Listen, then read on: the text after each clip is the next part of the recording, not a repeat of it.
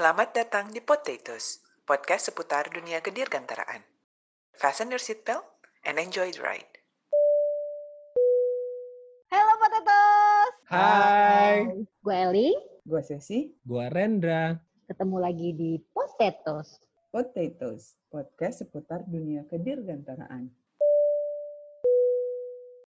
Halo Potatoes, Eh, kita balik lagi di episode kesekian. Kali ini kita kedatangan tamu spesial lagi, tamu spesial karena kali ini.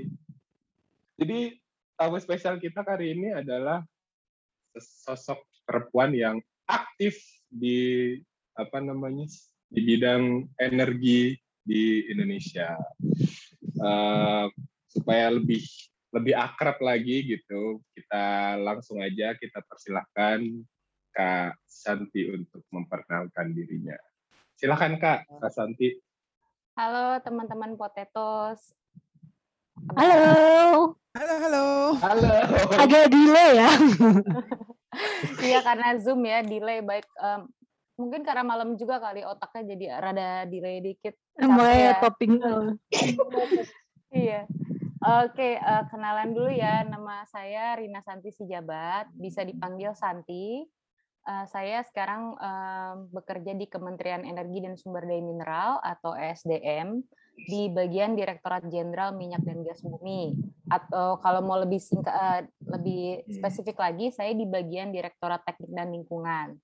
Di situ saya bekerja eh, jabatannya sebagai Inspektur Migas. Eh, Inspektur Migas itu apa sih? Bukan Inspektur Vijay tentunya. Inspektur Migas. Inspektur Migas itu dong. eh, ada kaitannya sama inspeksi ya. Jadi eh, pokoknya untuk melakukan Oke. inspeksi keselamatan eh, dalam rangka menjamin eh, keselamatan operasional di instalasi oil and gas di Indonesia. Tapi selain inspektur migas, saya juga menjadi tim eh, dalam penyusunan standar dan mutu atau spesifikasi untuk bahan bakar baik bahan bakar minyak maupun bahan bakar gas di Indonesia. Jadi kalau teman-teman potatoes kan penerbangan, jadi pasti eh, familiar sama Aftur. Nah, spek Aftur itu dirilis di Ditjen Migas atau dari Kementerian SDM itu saya yang ngerjain bersama tim eh, yang terdiri dari berbagai stakeholder di Indonesia. Mau dari pemerintah, dari akademisi, dari gover- eh, dari apa ya, profesional juga ada. Ini kenapa akhirnya Kak Santi hari ini kan ngobrol sama kita kan karena tadi Kak Santi juga sedikit apa sampaikan kita sebenarnya pengen bahas terkait dengan bioaftur. Aftur sebenarnya lebih af- aftur. Kemudian kan kita juga tadi dapat bocoran di awal bahwa Kak Santi ini salah satu tim nih yang lagi meriset ya bahasanya boleh dibilang begitu untuk bioaftur di Indonesia. Nah, sekarang gimana sih eh, kondisi aftur itu sendiri dalam eh, di bisnis aviasi Aviasi. nasional dari, dari kacamata Kak Santi sebagai Membuat kebijakan. gitu. atau pembu- pembuat kebijakan gitu. Oke, eh, jadi mungkin eh, kalau teman-teman di bagian penerbangan taunya eh, pokoknya aftur diisi gitu ya. Pokoknya spesifikasi pesawatnya bisa menggunakan aftur. Nah, tapi kalau misalnya dari sisi kita penyediaan energinya sendiri, eh, pertama-tama lihat dulu nih dari supply demand. Kalau dari supply demand-nya, eh, kita patut bangga loh bahwa sebenarnya aftur eh, kebutuhan aftur untuk Indonesia itu sebenarnya 100% sudah bisa eh, diproduksi dari dalam negeri. Ini bukan berarti crude-nya dari dalam negeri ya, tapi kita kalau kita menghitung produksi afturnya saja itu sudah mencukupi untuk kebutuhan eh, kebutuhan konsumsi di dalam negeri termasuk kalau misalnya ada pesawat-pesawat dari luar yang mau eh, sandar di Indonesia dan mau mengisi sebelum mereka ke luar negeri itu kita sudah bisa memenuhi gitu kalau dari sisi afturnya. Terus tadi Oke. Mm-mm. kan Mas Renda bilang soal bioaftur ya.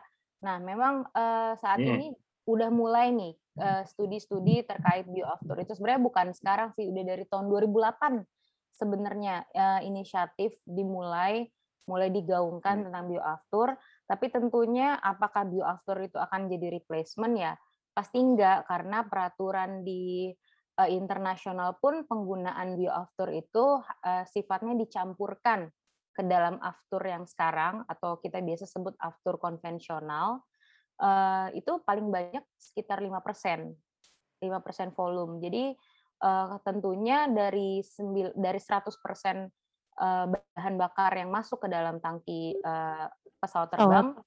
itu 95%-nya masih aftur yang berasal dari fossil fuel dan itu kalau uh, secara supply demand-nya itu fully uh, supplied uh, locally by Pertamina sebagai sole producer ya untuk aftur di Indonesia lima uh, persen sendiri kenapa? Kenapa masih hybrid gitu? Memang nggak belum bisa dari supply-nya atau ada alasan lain?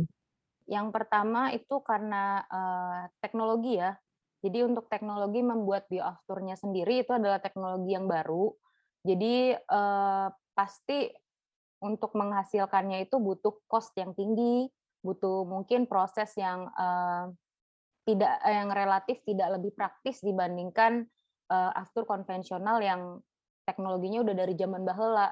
Jadi uh, makanya dicoba dulu dan juga kan uh, running untuk apa ya pengetesan untuk pesawat itu tuh yang aku sih nggak tahu ya tapi pasti kakak-kakak lebih ngerti cuman yang aku ikutin itu beribet banget gitu kayak banyak stepnya dan uh, untuk me, itu pun 5% hanya sebagai suggestion. Jadi hampir seluruh dunia kayaknya nggak ada yang nyampe 5%. Jadi mungkin mereka mulai dari start dari 2%, lalu 3% naik gitu. Jadi 5% itu adalah jumlah yang gede. Dan kenapa sih 5% doang?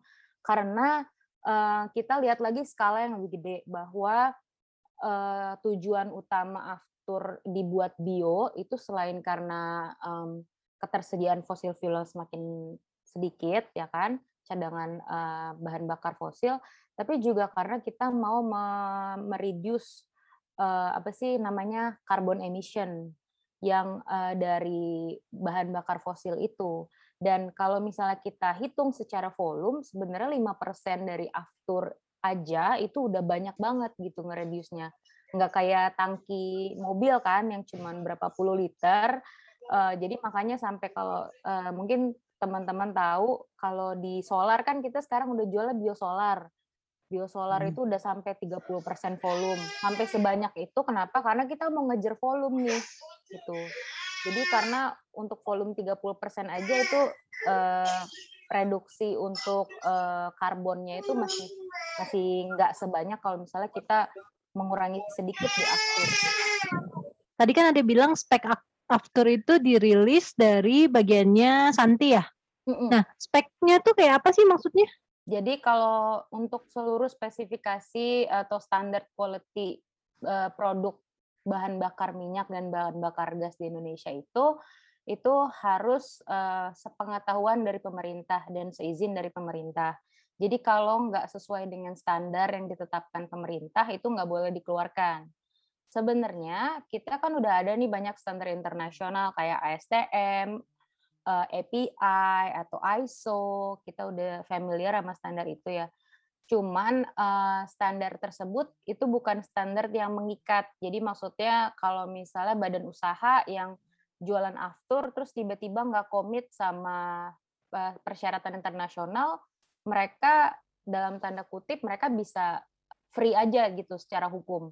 Jadi harus ada basis hukumnya. Jadi spesifikasi yang dibuat di tempat aku bekerja itu eh, kita membuat payung hukum di mana menjamin eh, kualitas dari bahan bakar yang akan diterima oleh konsumen dalam hal ini di maskapai atau mungkin eh, pengguna aftur dan bahan bakar aviasi lainnya, aftur, afgas gitu-gitu. Oh, kualitasnya itu sendiri termasuk misalnya kemurniannya kayak gitu. Iya iya, semua yang disyaratin sama uh, standar internasional basically untuk aftur itu kita fully adopt. Jadi sistemnya uh, agak beda sama bahan bakar yang lain kayak bensin, solar. Mungkin kalau di Indonesia kok ada bensin 88, di luar negeri nggak ada gitu. Tapi kalau aftur karena kita uh, menyadari bahwa bisnis aftur itu ada uh, nggak bisa dalam satu negara doang. Jadi harus kadang-kadang uh, kan kita ngisi di Indonesia terus terbang ke Singapura atau terbang ke London Nah, itu uh, harus mengikuti regulation internasional juga. Oleh karena itu, uh, payung hukum yang dibuat oleh pemerintah Indonesia uh, meng mengadop fully adopt 100% dari uh, defense standard. uh, atau itu kan standar yang lazim atau umum dipakai di dunia aviasi untuk bahan bakar. Oke. Okay. Bioaftur sendiri itu biasanya terbuat dari apa bahan dasarnya? Terus keunggulannya apa sih dibandingin aftur konvensional? Jadi uh, kalau bioaftur seperti namanya ya itu bio berarti dia berasal dari yang terbarukan yang biasa dikenal di dunia itu ada sekitar empat eh, empat jenis uh, bioaftur tapi aku nggak mau ngejelasin empat-empatnya karena itu teknikal banget ya uh, itu dipisahkan hmm. berdasarkan proses pembuatannya dan bahan baku yang dipakai intinya kalau di Indonesia kita menggunakan bioaftur yang diproses dari esterifikasi Kenapa kita pakai yang itu? As simple as karena Indonesia itu banyak banget potensi minyak lemak, yaitu kelapa sawit. Jadi oh. akhirnya okay. para pakar di Indonesia bermufakat dari empat proses ini. Jadi bukan berarti empat proses ini kita nggak mampu nih ngerjainnya, bukan. Tapi kita perlu uh, jadi dari preliminary study-nya kita uh, ada ada feasibility study dong. Jadi pakai yang mana ya? uh, apakah kita hmm. pakai menggunakan bahan baku batu bara kan jadi yang termungkin saat itu adalah dua menggunakan bahan baku batu bara atau menggunakan bahan baku dari uh, kelapa sawit karena apa karena dua-duanya di Indonesia banyak berlimpah ya kan batu bara uh, emang kita mau mengurangi pembakaran batu bara karena kualitas batu bara di Indonesia udah semakin turun trendnya atau grade-nya tapi di sisi lain kalau kita tetap pakai batu bara nggak akan ada sustainability-nya gitu. Jadi akhirnya uh, sepakat, oke okay, kita nggak usah deh mikirin batu bara untuk aftur, uh, meskipun prosesnya lebih bisa kayak bisa right now gitu, karena batu bara udah ada, tinggal diproses. Tapi akhirnya uh, pemerintah uh, dan juga dibantu oleh tentunya pihak-pihak yang uh, terkait, akhirnya me menggunakan rute memakai uh, pembuatan aftur dari kelapa sawit, lebih tepatnya dari inti kelapa sawit itu. Dan kelapa sawit uh, kayaknya di Indonesia lumayan melimpah juga ya, jadi keputusannya pasti mempertimbangkan itu juga. Tapi ngomong-ngomong menariknya tadi Santi bilang bahwa sebenarnya geser ke bioaftur tentu untuk carbon footprint yang lebih minimal, ya kan? Nah, udah ada studinya belum sih kak sebenarnya seberapa jauh perbedaan antara ketika kita menggunakan bioaftur dan ketika kita menggunakan after konvensional atau mungkin setidaknya gini deh dari yang tadinya 0% terus sekarang di, jadi 5% bioaftur ini sudah ada kelihatan belum sih uh, hasil pengukurannya seperti apa terhadap carbon footprint yang ada di Indonesia gitu. Kalau misalnya hasil pengukurannya tentunya belum karena apa? Karena uh, belum diimplementasikan ya kan bioafturnya. Uh, sekarang itu masih dalam tahap uji. Uh, dan apakah uh, aftur ini bisa mengurangi carbon footprint as maksudnya secara keseluruhan gitu? Pastinya iya. Karena uh, ini sudah disepakati juga dari PBB. Kalau misalnya teman-teman potatoes kayaknya udah lebih familiar deh sama namanya uh, ICAO, tahu ya? IQ, uh. Ya IQ. Okay. Nah, ya, hmm. IQ. Nah, IQ itu kan dia punya body sendiri namanya Corsia. Corsia itu okay. uh, adalah, ntar aku lupa deh singkatannya apa ya, Carbon Offsetting and Reduction Scheme for International Aviation. Nah, Corsia ini uh, tentunya kan udah dari diskusi yang banyak dan mereka akhirnya bersepakat bahwa oke, okay, kita jadikan baseline 2019 2019 2020 uh, menjadi baseline penggunaan aftur uh, konvensional. Jadi uh, gampangnya adalah kalau kita pakai sekarang 3000 liter berarti kan uh, mungkin uh, karbon footprintnya sekitar X gitu ya, X ton gitu. Nah, di 2021 dan seterusnya, itu kita nggak boleh nih karbon footprintnya itu X ton dan caranya adalah eh, langkah yang ditempuh Korsia adalah mereka eh, karena Korsia ini sekali lagi bukan badan yang meregulat ya, jadi mereka merekomendasikan untuk penggunaan bahan bakar eh, bahan bakar jet eh, yang lebih sustainable. Dalam hal ini mereka nggak bilang bahwa harus pakai bioaftur, tapi mereka bilang harus yang sustainable. Makanya uh, kalau dibilang apakah ini ke carbon footprint ngefek ya pasti ngefek karena dari uh, dari lembaga di internasional di PBB pun udah mengakui itu dan udah merekomendasikan itu. Tapi apakah dibilang carbon footprint-nya uh, udah keukur belum sih? Belum, karena sampai 2023 itu sendiri baru fase pilot.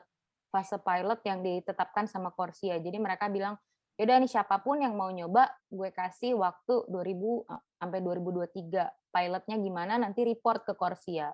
Nah, nanti baru di 2000, 2024, 2026 itu first phase itu untuk negara-negara yang kayaknya yang lebih mapan lah semacam macam Amerika atau misalnya Eropa okay. itu menggunakan bioaftur. Nah 2027 hmm. sampai 2035 itu baru nanti uh, ditetapkan uh, di situ mudah-mudahan kayaknya sih bakalan jadi bahwa uh, yang aku dengar kalau misalnya uh, pesawat dalam melintasi suatu negara atau wilayah terus mereka tidak mendeklar bahwa mereka menggunakan bioaftur, nanti mereka akan ada charge tambahan gitu. Hmm, kayak bayar karbonnya ya? Ya. Jadi tadi itu uh, itu kalau dari sisi carbon footprint ya. Jadi uh, mungkin tadi targetnya di uh, apa Korsia itu lebih ke negara maju dulu. Nah, um, tadi kalau uh, Santi cerita di Indonesia sendiri tadi kan kebanyakan diambil dari minyak kelapa sawit ya. Kalau di luar uh, kayak gimana sih perkembangannya? Lebih banyak dari mana sih bioaftur itu? Ya, uh, benar. Jadi um, memang tadi kan aku bilang bahwa uh, aftur itu kalau yang di Indonesia kita developnya dari kelapa sawit atau lebih tepatnya dari minyak inti kelapa sawit. Apa sih minyak inti kelapa sawit? Inti kelapa sawit itu kalau uh, teman-teman tahu kelapa sawit bongkahan, terus nanti dia ada buahnya, terus nanti ada bijinya. Bijinya itu biasanya nggak kepake selama ini menjadi sampah aja dibuang atau menjadi uh, biomasa lah untuk dibakar-bakar gitu. Tapi sekarang intinya atau bijinya kelapa sawit itu dipres, diambil minyaknya, dan itulah yang dijadikan sebagai uh, bahan baku aftur. Kenapa? Karena pertimbangan uh, struktur kimianya itu yang paling bagus untuk dijadikan uh, bahan bakar aftur. Dan apakah uh, di luar di, di luar negeri juga pakai kelapa sawit? Tentunya enggak karena kita kembali lagi ke sistem yang mau diambil pertama dulu adalah sustain nggak nih? Kita jawab dulu sustain nggak sih gitu. Kalau misalnya suatu negara mereka tidak punya sumber kelapa Supply. sawit dan mereka harus impor, berarti nggak sustain kan? Karena sustain itu lo harus berdaulat gitu. Jadi kayak kapan pun kamu mau bikin bisa, kapan pun kamu mau perbanyak bisa. Nah, jadi kayak di negara-negara lain mereka itu mengembangkan uh, aftur uh, bioaftur dari produk-produk yang mereka bisa uh, kembang sendiri. Contohnya misalnya di Brazil, Brazil itu dari 2000 berapa ya? Dari 2016 itu mereka udah uh, propose ke Indonesia, boleh nggak uh, kami jualan bioaftur kami ke sini? Karena mereka sebenarnya udah udah produksi bioaftur yang bersumber dari gula. Nah, hmm. kenapa? Karena di Brazil itu gulanya banyak karena mereka nanam sugar cane-nya tuh banyak banget. Jadi, Jadi tebu maksudnya. Hmm, tebu. Jadi akhirnya mereka bikinlah itu si bio, uh, bioafturnya dari uh, tebu dan mereka propose waktu itu 2016 ke Indonesia uh, boleh nggak kalau misalnya uh, kita mengadakan uh, studi pencampuran aftur uh, yang ada dijual sekarang oleh Pertamina sama yang dari Brazil ini waktu itu akhirnya dari tim uh, bahan bakar dan juga tentunya dari dirjen ya dari dirjen um, perhubungan udara dan dari dirjen uh, migas akhirnya kita bersepakat bahwa nggak usah ngapain dibikin studi itu karena toh Indonesia itu nggak nggak akan bisa supply uh, aftur dari gula karena yang ada kita rebutan sama komoditas pangan. Yeah. Nah, dan itu akan menjadi nggak sustain, akan menjadi persaingan nggak sehat kan di apanya di uh, commodity marketnya. Akhirnya studi itu padahal uh, udah mau dimulai, udah mau dibiayain sama orang Brazil juga ya mungkin karena as simple mereka bisa jadi yeah, apa bisa jualan baru ya.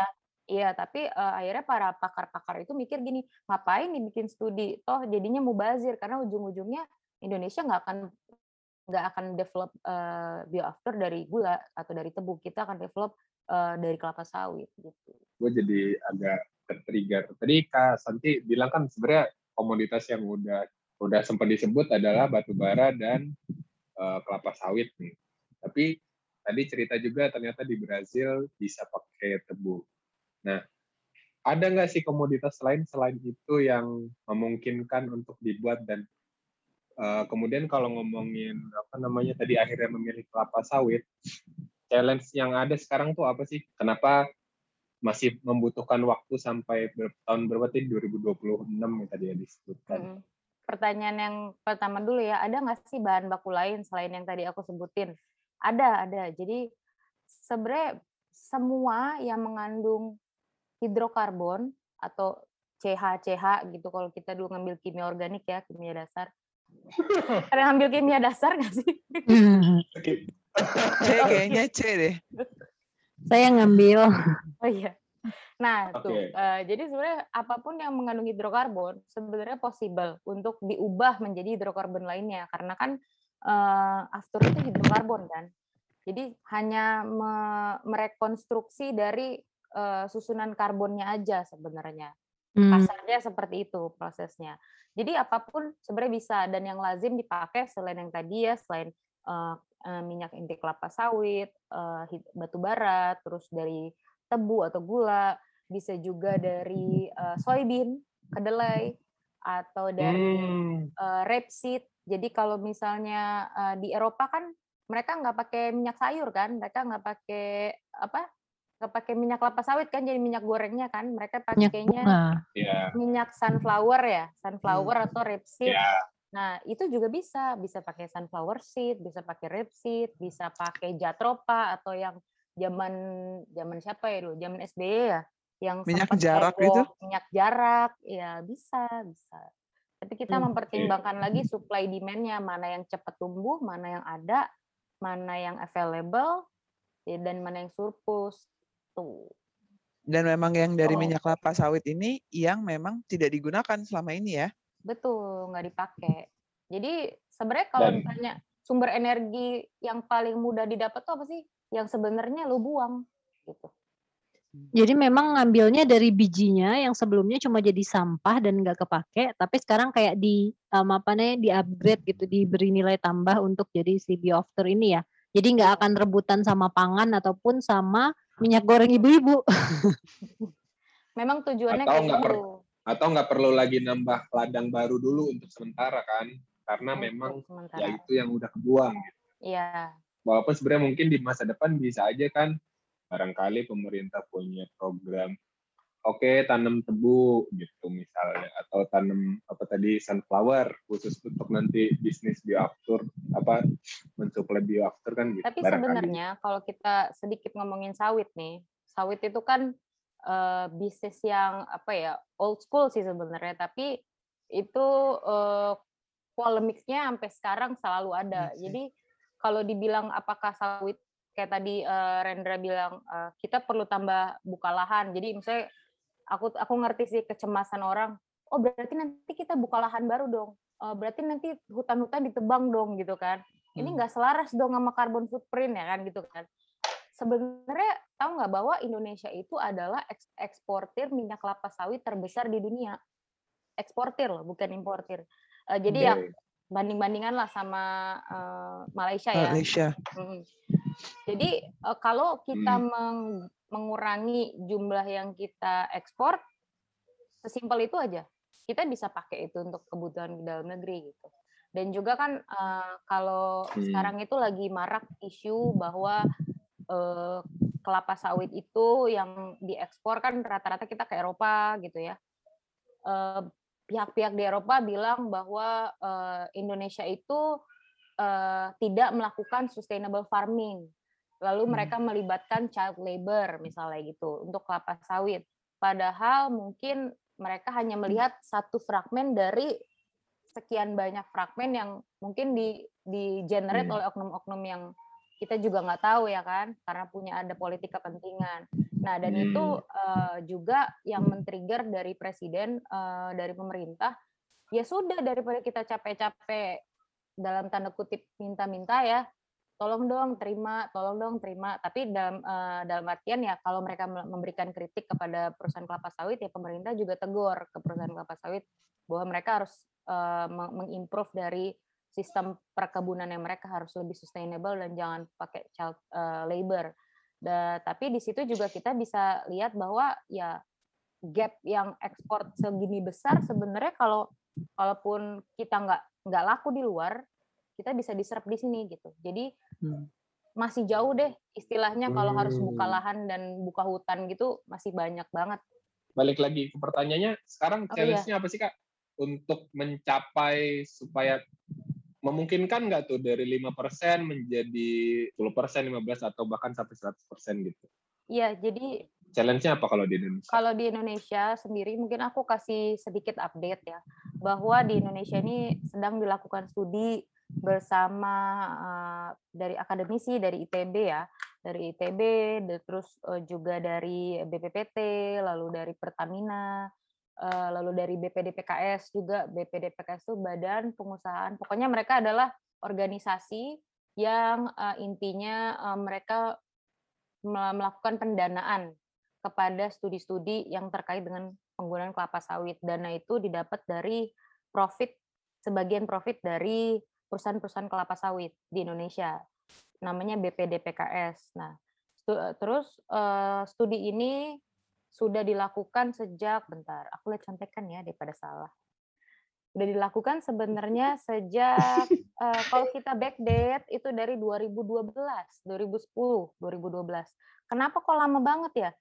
Iya, karena pertama-tama bikin after itu nggak kayak uh, kita masak nggak kayak kita masak jadi kayak oseng-oseng-oseng selesai gitu jadi harus ada yang namanya katalis ya kan nah untuk buat katalisnya sendiri itu butuh studi makanya butuh waktu selama itu katalisnya kita juga bisa nggak sih kita beli katalis eh simple okay. bisa nggak sih beli katalis dari luar negeri ya bisa tapi sustainability-nya mana ya kan jadi kembali lagi akhir iya ah, bikin okay. katalis dulu jadi udah jadi katalis nih. ini kayak bibit yogurt gitu Nah, iya Kak, benar. Uh. Kayak starter ya. Uh, Dia intinya katalis sesuai namanya dia sebagai katalisator atau mempercepat reaksi. Bisa nggak sih reaksi tanpa pakai katalis? Bisa, tapi mungkin untuk menghasilkan satu kiloliter sulf eh, apa si aftur butuh mungkin tiga tahun. Tapi kalau pakai katalis bisa satu hmm. jam. Nah kayak gitu. Nah Okay. Katalisnya itu juga udah dikembangkan, namanya mungkin kalau kita baca di koran atau di media-media itu namanya katalis merah putih nih. Katalis merah putih itu, oh. iya namanya katalis merah putih buatan dari teknik kimia ITB. Tempat alumni ya, alumni ya. Proud alumni. Uh, uh, dari okay. katalis uh, merah putih itu mereka membuat uh, intinya adalah mereka bagaimana caranya dengan kilang-kilang yang ada sekarang, kilang-kilang di Pertamina nih yang ada delapan, bisa nggak kita ganti katalisnya, kita masukin katalis yang baru dengan sistem bentuk kilang yang seperti itu as it is, kita bisa nggak masukin yang tadinya masukin crude oil, sekarang kita masukin minyak kelapa sawit. Oh, Ternyata bisa nih. Oh, nah, gitu. Dengan katalis merah putih itu dia bisa. Yang tadinya kilang-kilang di Indonesia itu hanya bisa membuat dari uh, crude oil atau dari fossil fuel, sekarang ditambahi jadi feednya atau umpan feedstocknya itu adalah fossil fuel plus kelapa sawit atau uh, istilah teknisnya RBDPO, refined bleach palm oil. Gitu. Itu katalisnya kalau palm oil atau misalnya tebu gitu beda atau sama? Beda, Kak. Ah, Iya, jadi spesifik jadi ya? spesifik, dedicated memang. Jadi emang itu ujinya udah uh, untuk membuat katalisnya sendiri yang baru di launching kayaknya baru di 2018 kemarin deh, baru ibaratnya digembar-gemburkan oleh presiden ya. yang pembuatnya kan yang pemilik patennya Profesor Subagio itu juga dapat recognition dari Pak Jokowi uh, untuk pembuatan katalis merah putih ini. Dan dari situlah akhirnya kita mulai eksponensial nih progresnya mulai yang tadinya stuck nih katalisnya belum ke, belum kebikin akhirnya katalisnya udah kebikin dan dari katalis kebikin dibuatlah pilot uh, pilot test di kilang-kilang di beberapa kilang di uh, Pertamina untuk di apa menggunakan katalis itu bisa nggak sih keluar nggak uh, cuma aftur? Karena kalau kita bikin uh, bikin dalam produksi minyak bumi produksi bahan bakar satu kali jalan itu kita nggak misalnya mau bikin bensin doang atau mau bikin solar doang nggak bisa jadi pasti akan ada uh, berdasarkan dari tingkat distilasinya ya jadi akan ada yang namanya kita keluarannya jadi bensin akan ada keluarannya minyak tanah akan ada keluarannya aftur yeah. Nah, gitu. Jadi salah satunya adalah aftur atau uh, kita dibilang di sini officialnya belum ada sih, tapi orang kadang-kadang nyebutnya sebagai green aftur atau aftur bio atau bio aftur atau aftur nabati ya. Dari tapi situ yang lebih terbarukan. Iya, karena dia apa? Karena dia feedstocknya itu nggak cuman dari fossil fuel tapi dari uh, kelapa sawit juga gitu. Itu baru satu stage. Oke, dari kilangnya udah kelar nih. Itu udah sekitar tahun berapa ya 2018 2000 2018 2019 akhirnya di 2020 lah dicobakan di pesawat itulah yang akhirnya bekerja sama dengan PTDI uh, eh, sebagai uh, untuk flight testnya ya. Sebelumnya juga udah dilakukan okay. juga. Apa sih kak istilahnya? Pokoknya tes yang uh, diem doang gitu. Ground test. iya iya iya itu ya ground run ya.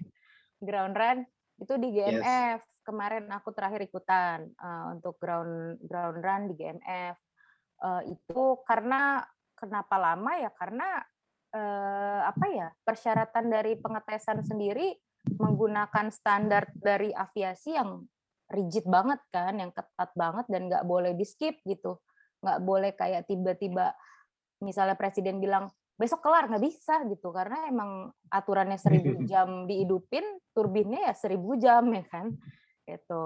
Jadi um, sudah selesai yang di ground ground test atau ground run yang di GMF. Kemarin itu baru uh, flight test yang untuk pesawat non komersil, pesawat yang uh, under jurisdiction of military uh, oh, yang dilakukan okay. oleh PTDI. Jadi kalau misalnya tes itu berhasil, bukan berarti eh jadi abis itu bisa dong dipakai di Lion Air, nggak bisa juga karena kita harus ada uh, mekanisme tes ke commercial flight gitu. Karena jenis pesawatnya beda kan. Dan uh, apa namanya aturannya lebih ketat lagi karena akan melibatkan nyawa orang lebih banyak begitu jadi masih ya masih panjang tapi positive thinking lah tapi bagus sih maksudnya um, visi untuk bisa mandirinya itu dapat gitu. Jadi kayak kita bikin katalisator sendiri, terus pengen supply-nya bisa dari dalam negeri. Nah, itu tuh harusnya memang harus di encourage sama pemerintah ya kalau kita memang pengen mandiri gitu. Untuk di sektor-sektor lain juga harusnya kayak gitu. Betul. Dan kalau, pengetesannya juga semua dalam negeri tuh ya ternyata. Iya, kerjasama sama um, apa namanya existing industri yes. yang di Indonesia kayak GMF, PTDI, ya memang sesuai peruntukannya ya. Iya.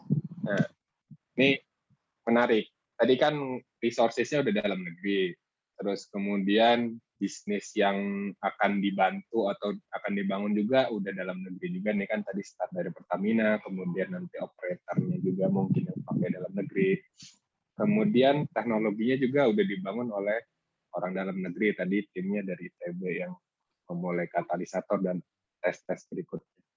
Nah kalau orang-orang yang terlibat itu juga orang dalam negeri semua kak. Atau ada tenaga ahli dari luar? Uh, atau uh, atau barangkali ada tenaga ahli dari luar? Uh, ya pasti pastilah ya. Maksudnya kalau untuk pilot scale mungkin kita bisa bilang, uh, aku bisa bilang, maksudnya aku aku aku subjektif ya karena aku hanya orang yang aku ketemu kadang-kadang ada orang yang behind the scene kita nggak lihat ya tapi kalau orang aku yang aku ketemu orang yang uh, punya position atau in charge terhadap project-project uh, bioaftur ini dalam keperjalanannya aku lihat memang semua itu orang-orang Indonesia dosen-dosen kita di ITB uh, yang misalnya familiar faces lah uh, mereka mereka ini sebenarnya emang hebat-hebat banget sebenarnya mereka tuh udah pintar dan udah mumpuni untuk mendevelop ini cuman ya memang kadang-kadang kita karena mungkin kita mental inlander ya jadi kita uh, kalau ngelihat uh, muka Melayu itu kurang yakin gitu dibandingin yeah, kalau kita yeah. lihat muka bule gitu uh. Nah, tapi untuk pengembangannya yang aku dengar sih, tadi aku baru juga sebelum podcast ini aku uh, nyontek dulu nanya ke dosen, nanya ke seorang seorang dosen teknik mesin, ya itulah ada. Uh, terus uh, nanya gimana sih kalau buat pengembangan uh, plannya untuk produksi afturnya sendiri? Ya karena kita selama ini jujur aja untuk pembuatan kilang, kilang minyak tuh yang ada banyak di yang dimiliki oleh Pertamina itu memang belum pernah tuh 100% dalam negeri. Jadi pasti kita untuk untuk kilangnya sendiri untuk untuk instalasi produksinya sendiri masih melibatkan dari teknologi dari uh, boleh sebut merek nggak sih nggak usah ya nggak usah lah ya nggak dibayar melibatkan dari luar negeri gitulah dari okay. ya udah uh, familiar lah sama itunya kalau disebut hmm. Tadi kan apa namanya kita udah mulai menguji tuh. Kalau boleh tahu nih, proses pengujiannya udah sampai mana sih saat ini? Kalau proses pengujiannya itu Kak, udah sampai flight test. Oke. Okay. Dan hasilnya sendiri gimana? Hasilnya sih tadi aku uh, tanya maksudnya ini un, ini unofficial ya, unofficial. Karena hmm, hasilnya hmm, tuh pasti nanti kan unofficial. Karena hmm. nanti pastikan hasilnya direkap sama timnya ya, tim yang uh, dedicated. Tadi sih katanya September uh, selesainya, berarti bulan depan, ya kan? Uh, September selesainya dan habis itu uh, di report gitu hasilnya. Hasilnya sih uh, so far baik-baik aja, tidak ada uh, tidak ada terjadi perbedaan yang berarti gitu. Ya perbedaan pasti ada lah, perbedaan dalam rang dalam bentuk misalnya power uh, consumption atau misalnya kayak daya ta apa apa sih istilahnya pokoknya ya pokoknya powernya gitu ya. Mungkin agak berbeda antara uh, bio sama si fossil fuel gitu. Konvensional. Ya terus uh, juga uh, kalau itu kalau misalnya di pesawatnya tapi kalau perbedaan yang berarti sih katanya sih nggak ada katanya jadi tapi nanti reportnya okay. karena kembali lagi ini kan 2,4 persen ya. Jadi itu hmm. sangat kecil gitu dibandingkan tur konvensionalnya. Dan juga uh, sebelum masuk ke dalam tangki pesawat pun itu sudah dipastikan banget bahwa memang itu benar-benar aftur gitu. Jadi kalau nih bedanya adalah kalau tadi teman-teman potatoes tahu bahwa biosolar ya, biosolar nih. Biosolar itu adalah campuran solar sama biodiesel yang berasal dari uh, kelapa sawit tanaman. Nah itu sebenarnya dua makhluk yang mirip tapi nggak sama gitu karena mereka diciptakan dari proses yang berbeda. Ini hmm. dibikin di kilang, di kilang minyak, ini dibikin di kilang biodiesel. Jadi beda-beda hmm. gitu. Jadi hmm. mereka mirip tapi nggak sama. Jadi ketika dicampur harus nyatu. Akan ada berbedanya. Hmm. Gitu. Jadi kalau dilihat secara skala uh, mikroskopis akan ada berbedanya. Tapi kalau okay. uh, proses uh, pembuatan after bio ini uh, karena dibuat di kilang yang sama, bahkan dari uh, karena dimulai dari feedstocknya yang bareng, itu mereka diolah dengan katalis yang sama juga bareng-bareng jalannya. Akhirnya mereka itu hampir nggak bisa dibedakan gitu, unidentifiable. Hmm. Kecuali kalau misalnya kita mau bedain banget ya dari satu gelas uh, satu gelas minyak nih, yang mana sih nih after bio itu kita harus ngecek menggunakan isotop. Jadi uh, isotop hmm. tuh dengan menggunakan radioaktif kita cek kalau hmm. isotopnya waktunya lama berarti dia dari fossil fuel. Kalau isotop waktunya uh, sebentar berarti itu dia dari, dari bio. Hmm, tapi hmm. secara physical chemical appearance dan uh, maksudnya itu sama persis gitu. Itu kalau ya. eh, di tesnya kemarin uh, kan tadi sempat cerita ya yang dites uh, engine run uh, udah dites lama tuh berapa jam. Nah kalau di tes terbangnya udah berapa lama? Kalau berapa lama sih aku belum tahu kak. Tapi katanya sih baru mulai uh, baru mulai di minggu ini katanya. Hmm. Berarti, Jadi berarti tadi sebenarnya masih dalam proses pengujian ya belum, belum kelar. Hmm ini aja sih menyimpulkan tadi kan bilangnya berarti campuran bioaftur dengan biokonvensionalnya itu si bioafturnya ini cuma 2,4 persen ya iya, dari totalnya. Sejauh ini, uh, pada tahap ini masih 2,4 persen. Nah mungkin nanti ke depan akan naik gitu ya. Ya, Targetnya tadi karena- 5% kan ya? Targetnya 5%. Karena ngikutin juga dari kilangnya cuman bisa supply sebanyak ini. gitu. Hmm, oh iya. Ya Karena kan? masih Ngapain- proses penelitian juga sih ya. Iya, ngapain kita kejar di hilirnya atau di pengujian pesawatnya sampai 10% atau sampai 20%, tapi supply-nya nggak ada di pangkalnya Hmm. gitu. Jadi disesuaikan. Malah diomelin-omelin punya pesawat kan Hmm. nanti.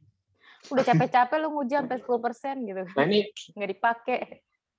Iya terus pas gua Nggak butuh ada. lu Ya. nggak ada bahan Ah. barangnya gimana nih. Ngomongin berapa persen kalau dari kacamata Karina eh Karina lagi Kasanti Nggak apa-apa nama sih. depannya prospek prospek bisnisnya ini atau jangan bisnis deh prospek bioafter ini sebenarnya gimana sih kalau aku ngeliatnya sebenarnya kayaknya positif banget nih kan tapi kalau by data itu prospek bioafter ke depan untuk Indonesia sendiri Kalau gimana? prospek untuk Indonesia ya, itu menurut aku sih bakal positif banget. Tapi masa aku nggak bisa bilang angka juga bahwa berapa capitalnya berapa gitu ya. Karena bukan kewenangan, eh bukan eh, capability Bagian. juga iya buat ngitung-ngitung kayak gitu. Tapi apakah ini positif ya positif banget karena apa? Karena di Indonesia itu kita sebenarnya lagi seru banget kan ngomongin eh, low carbon initiative, low carbon development yang lagi sebenarnya dari 2016 sih digaung-gaungkan oleh Bappenas. Eh, tapi mungkin barunya baru baru kedengernya sekarang mungkin ya karena gara-gara WFH semua terus akhirnya ya udah lo kerjain nih low carbon initiative. Nah, jadi karena low carbon initiative, low carbon development dan juga eh, isu-isu carbon tax yang semakin semakin nyata dan semakin hampir akan diimplementasikan eh, dan juga bukan tekanan sih kita bilang ya bahwa karena kembali lagi penggunaan aftur ini nggak cuman untuk Indonesia aja gitu. Kalau kita kita mau tutup mata untuk bensin, untuk solar kita bisa bodoh amat deh. Singapura mau ngomong apa lu gitu kan. Tapi kalau untuk after nggak bisa. Apa kata negara lain tuh harus benar-benar kita uh, antisipasi. Percuma dong kalau misalnya kita bisa bikin after fossil fuel, uh, ada uh, supply-nya di Indonesia, tapi nggak ada yang mau ngisi di Indonesia kan ada Hmm. gunanya ya. Karena apa namanya bisnisnya global banget ya skalanya. Jadi kita harus memperhatikan demand internasional juga gitu. dan karena demand internasional itu se- sudah semakin eh, nyata, semakin kelihatan kayak mereka udah mulai bikin eh, wacana bahwa nanti kalau ada pesawat yang terbang ke wilayah tersebut nggak pakai nggak nggak ada komponen bioafter di dalamnya, mereka harus bayar carbon tax atau biaya tambahan. Nah jadi kan itu jadi satu apa ya trigger. Makanya meskipun ini biayanya gede ya pasti biaya gede ya. Dan juga maksudnya kalau dilihat dari angka 2,4 seksi nggak sih 2,4 dibanding 30% biodiesel? Kan nggak nggak seksi ya. Jauh.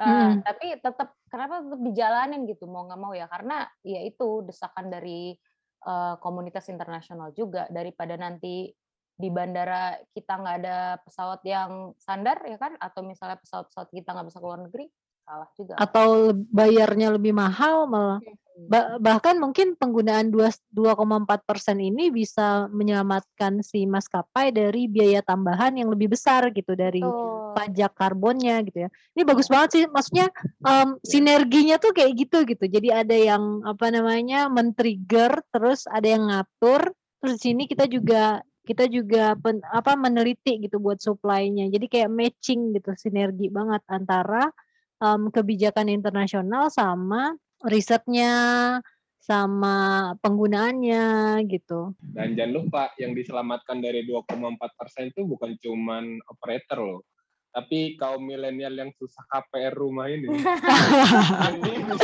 Gak usah curhat gitu ya Ren.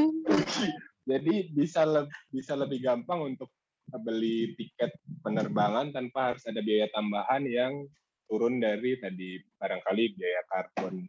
Iya bisa depan. jadi ya. Nah, Mungkin akan berefek kalau misalnya nanti harus bayar pajak karbon di komponen tiket lo ada nih apa namanya Hmm. tambahan pajak karbon emission gitu ya. udah Yang katanya berat badan mau diukur kan katanya Oh berat badan mau diukur. Iya. Kan Apa harus gitu diet kan? Katanya kalau lo overweight bayar casnya gede gitu, apa gitu katanya kan? Masih wacana sih, tapi gila aja gitu. Nah itu standar overweight-nya tiap maskapai mungkin beda jadi salah satu faktor untuk pemilihan maskapai juga mungkin nanti. Jangan deh, susah ntar gue sekeluarga nggak bisa naik kak. Iya tuh. Eh, Mau nanya lagi ini satu lagi terakhir-terakhir. Oke. Boleh. Eh, yang tadi menarik waktu Santi cerita eh, bedanya bioafter dengan biodiesel ya. Tadi kan kalau biodiesel katanya sebenarnya kalau dilihat di skala mikroskopis tuh masihlah kelihatan bedanya gitu ya. Hmm. Kalau bioafter tuh enggak karena sudah melewati proses yang eh, sama gitu. Nah, berarti apakah ini berarti em, ketika misalnya nih pesawatnya di Indonesia diisi pakai bioafter Indonesia yang dari kelapa sawit, terus terbang ke Brazil diisi sama bioafter yang pakai tebu gitu, Nggak apa-apa. eh, nggak apa-apa gitu ya artinya Mm-mm. ya. Em, Karena mereka berbedanya tuh hanya di feedstocknya aja. Karena eh, feedstocknya kan dia butuh eh, hidrokarbonnya kan, dia butuh load Mm. of hidrokarbonnya. Dengan katalisnya mereka masing-masing, mereka nanti berubahnya jadi sama-sama aftur. Gitu. Oh, hmm, jadi walaupun dari sumber yang berbeda, tapi spesifikasinya tetap sama untuk penggunaan di pesawat ini gitu ya? Iya sama dong. Dan nanti kan kembali lagi setelah diuji pun 2,4 kita akan balik lagi. Eh, baseline-nya apa sih? Ya spesifikasi aftur.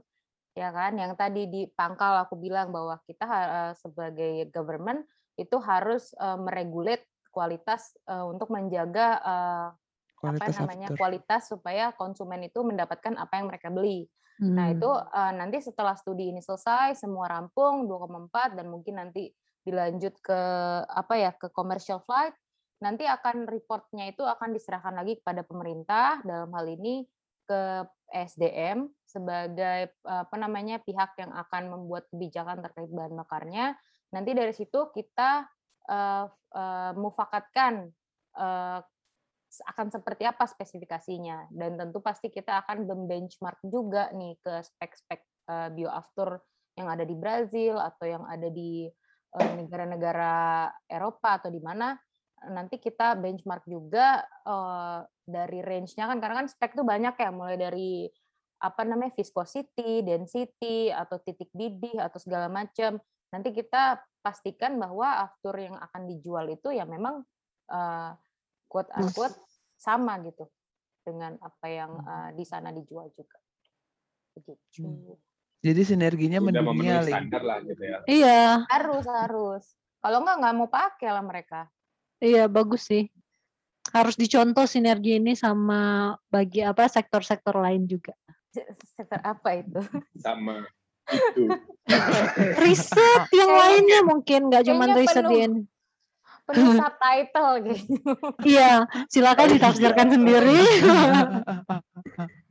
Oke, ini menarik menarik banget. Ini kan berarti Kak Santi baru cerita dari sisi kebijakan terkait bioaftur yang akan digunakan di penerbangan.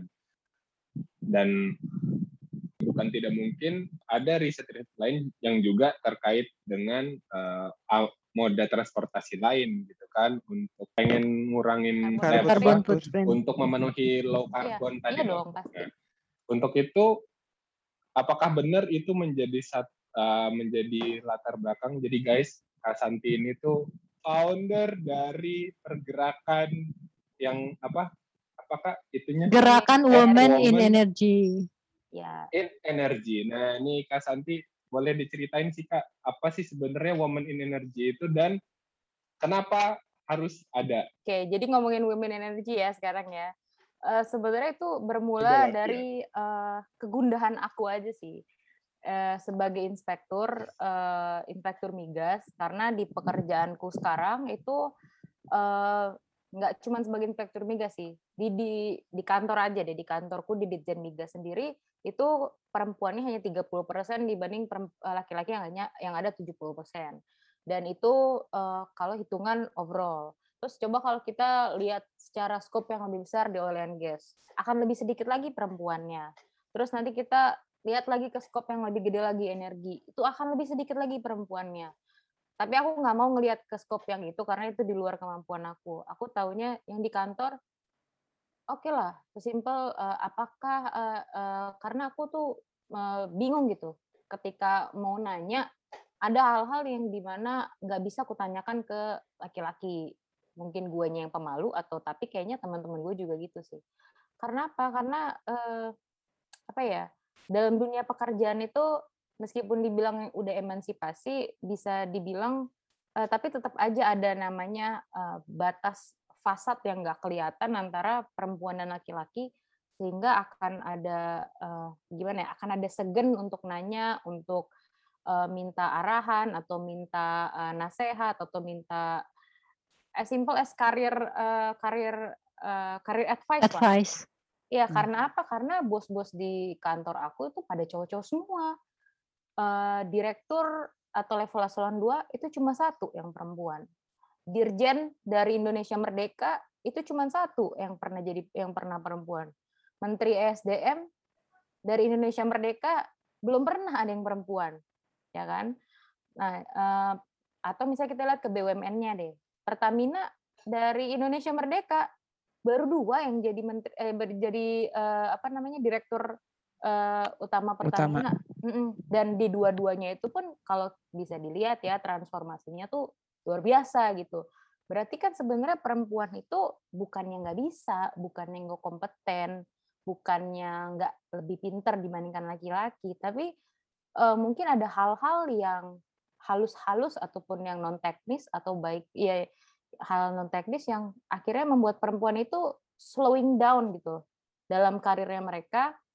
Dan salah satunya itu adalah karena mereka tidak mempunyai figur untuk bertanya, tidak mempunyai support group untuk saling menyemangati. Karena kan ini kayak kita tuh karir tuh kayak estafet ya kadang-kadang pelan kadang-kadang lari cepet. Nggak ada nggak ada grup yang ayo udah nggak apa-apa. Kalau lo dimarahin bos lo udah tetap aja jalan aja. Kalau lo di apa namanya di disepelekan karena gender lo ya udah jalan aja.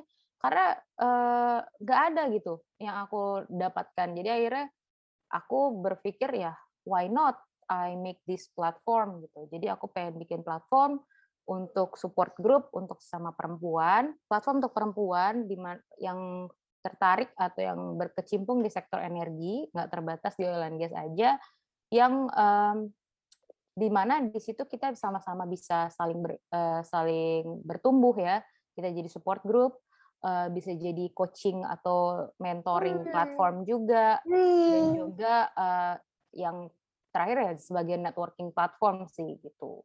Buat uh, perempuan-perempuan ini. Jadi pengennya nanti visinya ke depan Women Energy ini uh, menjadi wadah mungkin uh, seorang Bukeren atau Ibu Nike, Direktur Pertamina uh, bisa as simple as uh, ngejapri gue gitu.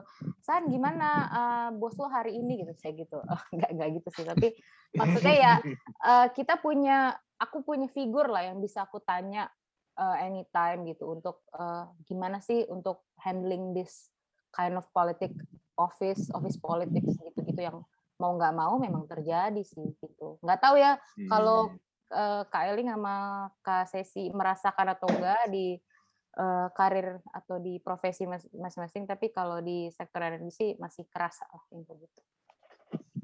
Terus itu berarti tadi ada ada apa komunitasnya gitu? Ada aktivitas bersama gitu atau gimana kak? Ya, sejauh jadi, ini aktivitasnya apa aja gitu? Oh iya, jadi uh, sejauh ini sih kayak tadi kan aku bilang gitu jadi support group, terus coaching platform sama networking platform. Uh, karena ini masih baru banget, kayaknya baru baru ada bulan Ju gue baru bikin itu bulan uh, ya baru-baru lah. Uh, bikinnya pun karena nekat tidak sengaja bukan nekat sih ketidaksengajaan karena uh, waktu itu ada segerombolan anak uh, dari ITB mereka pengen nanya-nanya uh, soal cara jadi PNS gitu akhirnya uh, gue bilang ya udah lewat uh, zoom aja deh daripada capek gue ngetikin satu-satu kan. Akhirnya uh, bikinlah zoom session untuk uh, karir coaching ya. Dan mereka bisa sharing session juga. Kalau mau nanya-nanya aku juga invite teman-temanku PNS-PNS eh, cewek yang dari berbagai kementerian. Tapi aku waktu itu karena nggak bisa dong gue uh, as in Rina Santi sejabat sebagai pegawai SDM yang ada nanti uh, kalimat gue akan salah ya kan jadi akhirnya di situlah secara incidentally bisa dibilang Women Energy terlaunching di situ Dan abis itu dalam keperjalanannya udah mulai bikin event-event juga. Ada kemarin terakhir kita bikin event uh, untuk uh, lebih ke mengatasi burnout uh, selama pandemi. Karena kan orang-orang tuh kerja tuh burnout ya, lagi WFH gini. Jadi tapi Nggak bisa jalan-jalan. Nggak bisa jalan-jalan, terus stuck sama uh, cinta sih sama anak dan suami ya. Cuma uh, kadang-kadang ya gimana ya? Aku butuh refreshing gitu kan. Sebenarnya yang kayak yang burnout burnout gitu nggak cuma woman tau. Sabar ya. Randy, Rendra di sini minoritas. Jangan salah, Benar-benar. partisipannya tuh kemarin 50% dari cowok loh. Karena aku eventnya terbuka untuk cowok dan cewek. Tapi memang uh, Ah, aku oke. ngambil panel dan uh, narasumbernya aku pengen mengedepankan cewek-cewek nih. Pasti ada cewek-cewek keren di luar sana yang bisa jadi speaker atau bisa jadi panel. Gantian cowok-cowok yang dengerin gitu. Tuh dengerin Ran. Tuh, guys dengerin. Jadi anda anda ini kalau yang laki-laki kalau mau jadi bos jangan apa Tuh, tadi? langsung batuk-batuk bobo diomongin. Cowok lah itu. Itu yang batuk-batuk Iya, cowok ya. tuh. Nanti kalau Soalnya kan- kalau jadi bos di instansi mana pun jangan sampai bikin perempuan-perempuan merasa slow down apa Dan tersepelekan. dan tersepelekan. Gitu. Aku gara-gara dengar ada anak bayi batuk ya. Jadi aku inget tuh Hmm. eh, ke- seberapa tidak berpihaknya bahkan di 2000 maksudnya di abad 21 ini kurang berpihak sih. Mungkin mereka juga nggak aware ya. Kayak eh, misalnya aku ke lapangan lagi inspeksi. Aku pumping karena waktu itu eh, masih nyusuin kan, masih full nyusuin. Eh, otomatis bawa gembolan kan, bawa gembolan alat pumping. Ya. Eh, nah terus tapi eh, ya karena itu hanya lapangan aja gitu, boro-boro ruangan. Karena itu masih bener-bener landfill, terus yang digali-gali kanan kiri. Karena sebagai inspektor ya kerjaan gue buat ngecek ke lapangan gitu kan, ngecek ke pipa-pipanya itu nyambung apa bener apa enggak gitu. Dan di situ eh, ya jangankan toilet cewek, ya jangankan tempat pumping, toilet cewek aja nggak ada gitu. Aku kalau mau ke toilet ya harus naik mobil dulu, naik mobil, naik Hmm. mobil, ja- eh, naik mobil dulu pergi mungkin sekitar 15 menit, cari warung terdekat, ya di situlah numpang pipis gitu. Jadi aku pumping di mobil. Hmm. Secara nggak sadar sebenarnya lingkungan ling- lingkungan kerja itu sendiri masih belum bisa Belum woman namanya, friendly gitu ya. nge- Iya belum woman friendly, walaupun sebenarnya mungkin tidak disengaja, tapi alam bawah sadar udah Iya. seperti itu. Awareness-nya memang belum cantik. terbangun gitu. Tau nggak kenapa? Kenapa tuh? Karena bosnya Kenapa? nggak ada pernah jadi perempuan. Tuh, harus jadi oh bos iya dulu. juga bener ya. Mungkin kalau Iya kan? mungkin kalau bosnya perempuan akhirnya mikirin ya, ini harus ada toilet Betul. cewek nih karena Ah, gue sendiri Iya, butuh. tapi kalau bosnya laki-laki bukan berarti dia jahat ya kan, bukan berarti dia mendiskredit perempuan, tapi dia nggak aware. aja gitu loh. Iya, karena tidak pernah merasakan sebagai Iya. perempuan gitu ya. Hmm, Makanya benar perlu itu. ada platform di mana cewek-cewek tuh bisa jadi bos suatu hari gitu. Amin. Amin. Amin. Platformnya ada di apa Baru aja kak? Instagram aja nih, womeninenergy.id. Karena di luar negeri ada. Jadi itu kayaknya inisiatifnya UN deh. Mereka bikin Women in Energy. Itu Hmm. inisiatifnya UN udah udah cukup lama, udah dari kapan tahu gitu. Terus mulailah eh, komunitas organik-organik muncul di Afrika, di eh, Chili, di biasa-biasanya di negara-negara berkembang sih mereka. Jadi ada womenenergy.chili, womenenergy.afrika. Terus gue cari iseng-iseng, ada nggak sih Women Energy Indonesia? Kagak ada. Gue cari hashtag segala macam kagak ada. Ya udah gue bikin aja. Sedih amat gitu. Mantap, mantap, Berarti mantap. bisa berafiliasi dong ke sana. Iya. Bisa berafiliasi ke Women in Energy dot negara-negara lain gitu. Iya.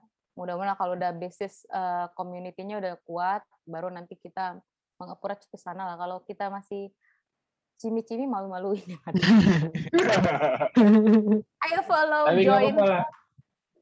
Ya, itu guys, coba di follow, dipantau akun Instagramnya biar miminnya semakin semangat mau memprovide terlibat juga boleh. Nggak harus jadi Nah. cewek loh Iya. untuk terlibat di Woman in Energy ya. Iya, supporting itu termasuk keterlibatan by following. Oh iya benar juga. As simple as following. Jadi supaya womeninenergy.id-nya juga rame, selain itu juga bisa eh, apa namanya semakin banyak lingkungan kerja yang Women Bisa. friendly. lebih women friendly gitu ya. Betul. Taruh eh, closing statement-nya mungkin lebih ke eh, oh ini aja deh. Ke gue eh, dua hal ya, dua hal. Yang pertama mungkin lebih ke bahwa eh, perkembangan apa ya bahan bakar di Indonesia eh, dalam hal ini bioaftur atau mungkin bahan bakar bahan bakar lainnya itu sebenarnya sekarang eh, development-nya udah bagus banget dan maksudnya semoga teman-teman itu semakin dengan aku cerita kayak gini mungkin teman-teman itu semakin apa ya nasio- nasionalismenya meningkat rasa bangganya terhadap eh, tanah air itu mungkin jadi meningkat ya bahwa eh, di tengah mungkin yang netizen 62 atau Republik 62 yang dibilang "Eh, beginilah begitulah yang negatif tapi sebenarnya ada loh orang-orang di balik eh, bukan gue ya tapi gue menyaksikan bahwa orang-orang eh, di luar sana eh, di balik layar mereka bekerja luar biasa yang sebenarnya kompensasinya nggak sebanding lah dengan apa yang mereka lakukan gitu mereka adalah the millennial heroes bisa gue bilang eh, untuk membangun atau menciptakan Indonesia yang lebih berdaulat di sektor energi gitu. Dan juga mungkin di sektor-sektor lainnya gitu. Jadi eh, ya deng semoga yang mendengarkan podcast ini nantinya ya selain nasionalismenya terbangun mungkin jadi semakin tergugah juga gitu untuk bisa berkontribusi dalam hal apa pun sekecil apa pun untuk negara kita gitu gitu Luar Terus, biasa. Speechless loh aku. Iya. poin yang pertama tuh, poin yang kedua apa? Oh iya, poin yang kedua adalah eh, follow dong banget. Follow guys, nanti kita follow guys. taruh di bawah Uh, uh, linknya. dan aku sangat open terhadap masukan atau mungkin kalian eh, misalnya ada yang mau ngasih kritik saran atau apa pun yang membangun ya diskusi sangat open banget kita bisa diskusi kapan aja Atau ini kayaknya bentar lagi banyak yang butuh karena lagi pendaftaran CPNS kan. Jadi oh iya siapa tahu ada yang mau masuk Kementerian SDM guys. oh ada iya orang kan dalam. nggak bisa Oh nggak bisa. no ordal. Tapi kalau lo mau tips, trik, eh, ya kalau misalnya bisa gue bantu atau mungkin sekedar untuk supaya mendapatkan suhu yang sama, kadang-kadang kan untuk mendapatkan interviewer tuh bisa suka sama lo kan kadang lo butuh suhu yang sama ya. Untuk bisa mendapatkan suhu yang sama ya silahkan approach aja. Chat eh, aku lewat Instagram Women in Energy atau Instagram aku pribadi atau lewat WhatsApp atau mana pun serah. Boleh. No. Free of chat ya. Di link di bawah ini ya. Jadi eh, gue tuh kemarin gara, eh, kemarin juga ikutan nih eh, apa ada satu komunitas juga nih mereka bikin mentoring session dibayar guanya tapi gue bayar balik soalnya gue nggak enakan karena gue dibayar sama negara gue dapat informasi dari negara Eh, ngapain gue monetisasi kan ya gue balikin jadi goodie bag Memang nih anak Yang Taruna Nusantara. yang- ya yang yang begini-begini nih yang harus diperbanyak di Indonesia nih. tapi Yang begini eh, ya. begini. Dilestarikan ya. dan juga semoga gaji PNS naik Nah, oke udah kak oke makasih banget teman-teman Potatoes ngob udah dengerin kita ngobrol sama eh, Santi hari ini. Cukup apa ya? tercerahkan gitu tentang potensi bioaftur dan juga tentang komunitas women energy sendiri. Tadi di akhir-akhir juga menggugah patriotisme gitu ya. Iya. Masih suasana kemerdekaan. Masih suasana Benar. oh, ya, bener kemerdekaan. juga ya Sekian dulu untuk episode kali ini. Eh gue Eling. Gua Sesi, gua Rendra dan temen ngobrol kita kali ini. Santi. Sampai jumpa di episode Potato selanjutnya. Dadah. Dadah. Dadah. Thank you.